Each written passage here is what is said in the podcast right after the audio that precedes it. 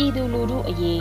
ဒီစကားရက်ဟာနိုင်ငံသူနိုင်ငံသားတွေဘဝင်ထိစေတဲ့စကားရက်ဖြစ်ပါတယ်။အဲ့ဒီနည်းတူနိုင်ငံရေးနယ်ပယ်နဲ့ပတ်သက်တဲ့သူတွေရေလဲသုံးထဲလဲသုံးတဲ့စကားရက်လည်းဖြစ်ပါတယ်။နိုင်ငံရေးနယ်ပယ်ကသူတွေဟာသူတို့လှုပ်ဆောင်မှုတိုင်းဟာပြည်သူအရေးလူထုအရေးလို့ခေါင်းစဉ်တက်ကြလေရှိပါတယ်။ဒါကတော့ရှင်းပါတယ်။လူထုထောက်ခံမှုမရှိရင်ဘယ်နိုင်ငံရေးသမားပဲဖြစ်ဖြစ် ဘယ်နိုင်ငံရေးပါတီအဖွဲ့အစည်းပဲဖြစ်ဖြစ်ရက်တီလို့မရတာကြောင့်ဖြစ်ပါတယ်။ဒါကြောင့်လဲလူထုထောက်ခံမှုရအောင်အတွက်ပြည်သူလူထုအရေးဆိုတဲ့စကားရက်နဲ့ဆွဲဆောင်ကြရတာဖြစ်ပါတယ်။အဲ့ဒီနည်းတူမြမနိုင်ငံရေးမှာကွန်မြူနစ်ဆိုရှယ်လစ်ဒီမိုကရေစီစသဖြင့်ကိုယုံကြည်ရာနိုင်ငံရေးအယူဝါဒတစ်ခုကိုကင်ဆွဲပြီးနိုင်ငံရေးလှုပ်သူတိုင်းဟာလည်းလူထုကိုပဲဗဟိုပြုလုပ်ကင်ရတာဖြစ်ပါတယ်။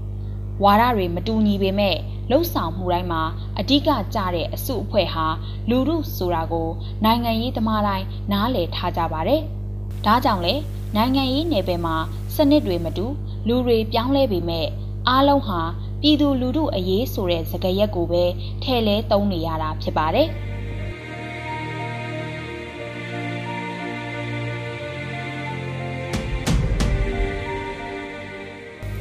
နိုင်ငံရေးသမားတွေနိုင်ငံရေးပါတီအဖွဲ့အစည်းဆိုတာဟာနိုင်ငံအပြောင်းလဲနိုင်ငံဖွံ့ဖြိုးတိုးတက်ရေးအတွက်လှုပ်ဆောင်ချင်တာကြောင့်နိုင်ငံရေးနယ်ပယ်ထဲဝင်လာကြတာဖြစ်ပါတယ်။ဒီလိုလှုပ်ချင်တာကြောင့်ပဲနိုင်ငံရေးသမားတွေရဲ့အန်တီမပန်းနိုင်ဟာအုပ်ချုပ်ခွင့်အာဏာဒါမှမဟုတ်အစိုးရဖြစ်ဖို့အတွက်အားစိုက်ထုတ်ကြရလိမ့်ရှိပါတယ်။ဘာကြောင့်လဲဆိုရင်အစိုးရဖြစ်မှအုပ်ချုပ်ခွင့်အာဏာရမှသာကိုယ်တိုင်ဒါမှမဟုတ် ကိုပါဝင်တဲ့အဖွဲ့အစည်းကအကောင့်ထဲပေါ်ကျင်တဲ့မူဝါဒတွေကို အကောင့်ထဲပေါ်နိုင်မှာဖြစ်လို့ပါပဲဒီအတွက်အာဏာရရေးသို့မဟုတ်အစိုးရဖြစ်ရေးဟာနိုင်ငံရေးသမားနိုင်ငံရေးပါတီအဖွဲ့အစည်းအတွက်အရေးကြီးဆုံးအလုပ်ဖြစ်ပါတယ်။ ဒါပေမဲ့နိုင်ငံအပြောင်းအလဲကိုဖော်ဆောင်ဖို့နိုင်ငံဖွံ့ဖြိုးတိုးတက်မှုကိုလှုပ်ဆောင်ခြင်းလို့နိုင်ငံရေးလောကတွေကိုဝင်လာပြီးမဲ့လိုချင်တဲ့နိုင်ငံရေးအာဏာရလာပြီဆိုရင်လူတဘာဝအတိုင်းဖောက်လွဲဖောက်ပြန်ဖြစ်ကုန်ကြတဲ့အတွက်နိုင်ငံရေးလောကသားတွေနှာခေါင်းရှုံခံဝေဖန်ခံကြရတာဖြစ်ပါတယ်။ ဒီလိုအာဏာမမောကုန်ပြီးမူလရည်မှန်းချက်တွေတွေ့ဖဲ့ကုန်တာဟာနိုင်ငံရေးသမားတိုင်းနိုင်ငံရေးပါတီအဖွဲ့အစည်းတိုင်းမဟုတ်ပေမဲ့လို့အများစုကတော့အနှဲနဲ့အများအာဏာမှာရင်မှုတက်ကြတာတဘာဝလိုဖြစ်လာပါတယ်။ဒါဟာတမယိုးကြနိုင်ငံရေးသမားတွေနိုင်ငံရေးပါတီအဖွဲ့အစည်းတွေဖြစ်တတ်တဲ့ပုံစံတစ်ခုဖြစ်ပါတယ်။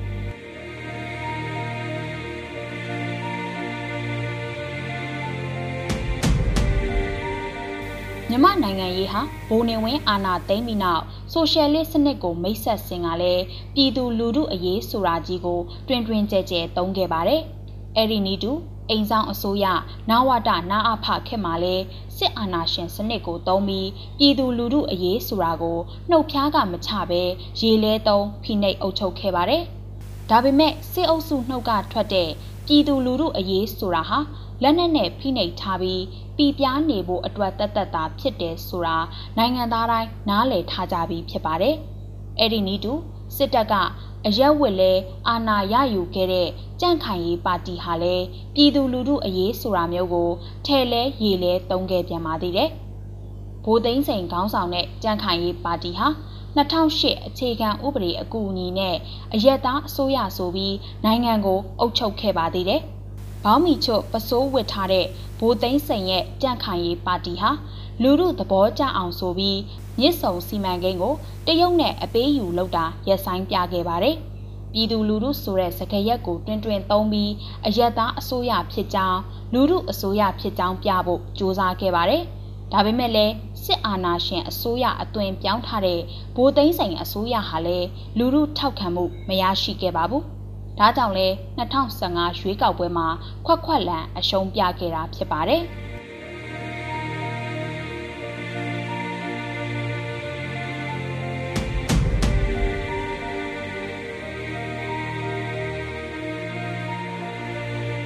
2015ရွေးကောက်ပွဲမှာအမျိုးသားဒီမိုကရေစီအဖွဲ့ချုပ် NLD အနိုင်ရပြီးအယက်သားအစိုးရစစ်စစ်တက်လာတယ်လို့ဆိုရမှာဖြစ်ပါတယ်။လွှတ်တော်ထဲမှာ ခြေဥအားကိုနဲ့ဝင်ထိုင်နေတဲ့စစ်အုပ်စုတမတ်သားကလွဲရင်အများစုကို NLD အမတ်တွေရရှိခဲ့လို့သုံးမှတ်သားလူလူလွှတ်တော်ကြီးလို့ဆိုခဲ့ရပါတယ်။ NLD အစိုးရဟာလည်း transformation from above ဆိုတဲ့အထက်ကလာတဲ့အပြောင်းလဲစစ်အုပ်စုကပေးတဲ့အပြောင်းလဲအောက်မှာလုတ်ပိုင်ခွင့်အနည်းငယ်ပဲရှိခဲ့ပါတယ်။စစ်အုပ်စုက2008အခြေခံဥပဒေနဲ့စီးနှောင်ပြီးဖြည့်လျှော့ပေးလိုက်တဲ့နိုင်ငံရေးလမ်းစဉ် political liberalization အောက်မှာ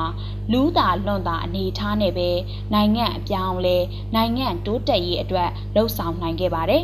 ။တင်းပြည့်ကြက်ပြည့်ဒီမိုကရေစီစနစ်ကိုမကျင့်သုံးနိုင်ခဲ့ပါဘူး။ဒီအခြေအနေမှာလူမှုပတ်ချမ်းမှာနားလည်မှုသဘောပေါက်မှုလွဲခဲ့တာတွေရှိခဲ့ပါတယ်။အဲ့ဒါကတော့ NLD အစိုးရတက်လာပြီးဒီမိုကရေစီရပြီလို့ထင်မြင်ခဲ့တာပဲဖြစ်ပါတယ်။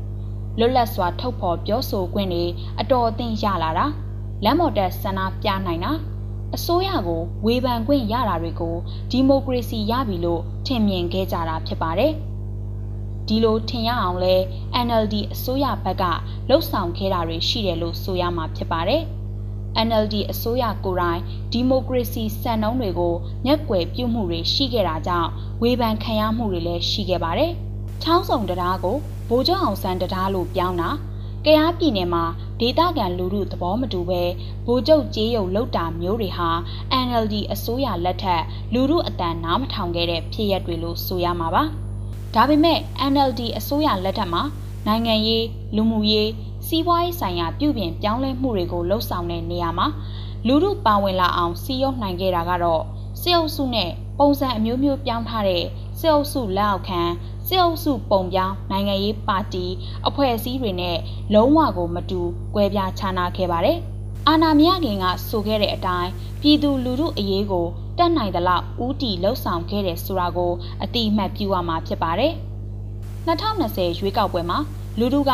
NLD ပါတီကိုပဲနိုင်ငံအုပ်ချုပ်ခွင့်အာဏာထပ်ပေးဖို့အတွက်တခဲနဲ့မဲပေးရွေးချယ်ခဲ့ပါတယ်။ဒါပေမဲ့မင်းအောင်လှိုင်ခေါင်းဆောင်တဲ့စစ်အုပ်စုဟာ နိုင်ငံအာဏာကိုမပေးချင်တာကြောင့်လက်နက်နဲ့အာဏာသိမ်းလိုက်ပါတယ်။အာဏာယူစစ်အုပ်စုတွေထုံးစံအတိုင်းဗဇက်ကနိုင်ငံအတွက်အာဏာထိန်းတာပါ။လူထုအရေးအတွက်လုပ်နေတာပါလို့ဆိုပြီးအကြမ်းဖက်ပြလူတက်ပြနဲ့ကန်းကုံအောင်ရိုင်းဆိုင်ပြနေပါတယ်။ဒါကြောင့်လဲနိုင်ငံတော်ဝန်ကလူထုကအုံနဲ့ကျင်းနဲ့တော်လန်ပုံကန်နေကြသလိုလူထုကမဲပေးရွေးချယ်ထားပြီး NLD အများစုပါဝင်တဲ့ CRPH နဲ့ NUG အစိုးရဆိုတာလဲပေါ်ပေါက်လာပါပြီ။ NUG အစိုးရဟာလူထုတောင်းဆိုချက်ဖြစ်တဲ့စစ်အုပ်စုအပီးတိုင်ပြတ်သုံးရေးနဲ့ဖက်ဒရယ်ပြည်ထောင်စုတည်ထောင်ရေးအတွက်တက်အားသမျှရုံးနေကန်နေလှုပ်ရှားနေပါပြီစစ်အုပ်စုဟာပြည်တွင်းကလူမှုရဲ့တော်လှန်အားနိုင်ငံတကာထောက်ခံမှုရအောင်လုပ်ပြီးစစ်အုပ်စုကိုဖိအားပေးမဲ့ NUG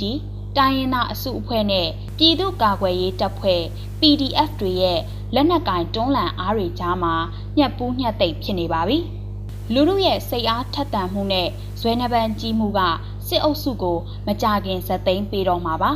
မဝေးတော့တဲ့အနာဂတ်ကာလမှာစစ်အုပ်စုဇီးဝိမ်ချုပ်ပြီးလူမှုထောက်ခံတဲ့နိုင်ငံရေးသမားတွေနိုင်ငံရေးအစုအဖွဲ့တွေလက်ထဲနိုင်ငံအုပ်ချုပ်ခွင့်အာဏာပြန်ရလာတော့မှာဖြစ်ပါတယ်။အဲ့ဒီအခါကျရင် လူမှုလိုလားတဲ့ Federal ပြည်ထောင်စုပေါ်ပေါက်ရေးအတွက်တိဆောက်ရေးကာလကို ရောက်လာတော့မှာဖြစ်ပါတယ်။တော်လှန်ရေးကာလနဲ့နိုင်ငံရေးတိဆောက်ရေးကာလမှာနိုင်ငံရေးသမားတွေနိုင်ငံရေးအစုအဖွဲ့တွေတတိပြုရမယ့်အချက်ဟာပြည်သူလူထုအရေးဆိုပြီးကိုကျိုးစည်းပွားတိဆောက်သူတွေညက်ပါလာတတ်တာကိုပါ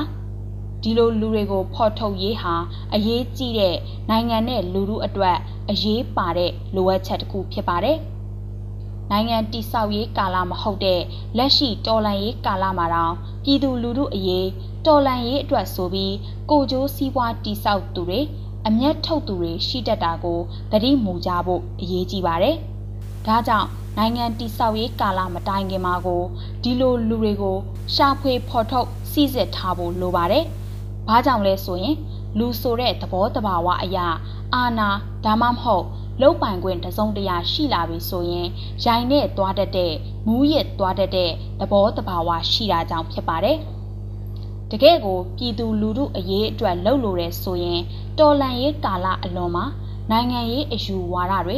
အဖွဲ့အစည်း ပါတီအစွဲတွေကိုဘေးချိတ်ထားပြီးနိုင်ငံနဲ့လူမျိုးအကျိုးရှိမဲ့နီးလန်းတွေကိုစင်စက်မပြတ်ဖော်ထုတ်နိုင်ဖို့ကဏ္ဍဆောင်ပြောင်းလဲရေးမှာပြည်သူတရက်လုံးပါဝင်လာနိုင်တဲ့အခင်းအကျင်းမျိုးတွေကိုကြိုတင်ပြင်ဆင်ထားကြဖို့ဝိုင်းဝန်းကြိုးပမ်းထားကြဖို့လိုပါတယ်။စစ်အုပ်စုအမြင့်ပြတ်ဇီဝိန်ချုပ်ရေးဟာလက်ရှိကာလမှာအရေးကြီးဆုံးလုပ်ငန်းစဉ်ဖြစ်ပေမဲ့လည်းနောက်ပိုင်းကာလပြုပြင်ရေးနဲ့တိဆောက်ရေးကာလမှာ ကိုကျိုးစည်းပွားတိဆောက်သူတွေရောမပါလာအောင်ဖော်ထုတ်ရေးနဲ့လူမှုပါဝင်မှုမြင့်တင်ရေးလိုအရေးတကြီးပြင်ဆင်ထားရမယ့်လုပ်ငန်းစဉ်တွေကိုလည်းမေ့ထားလို့မရဘူးဆိုတာမိမောင်းထိုးတင်ပြလိုက်ရပါတယ်။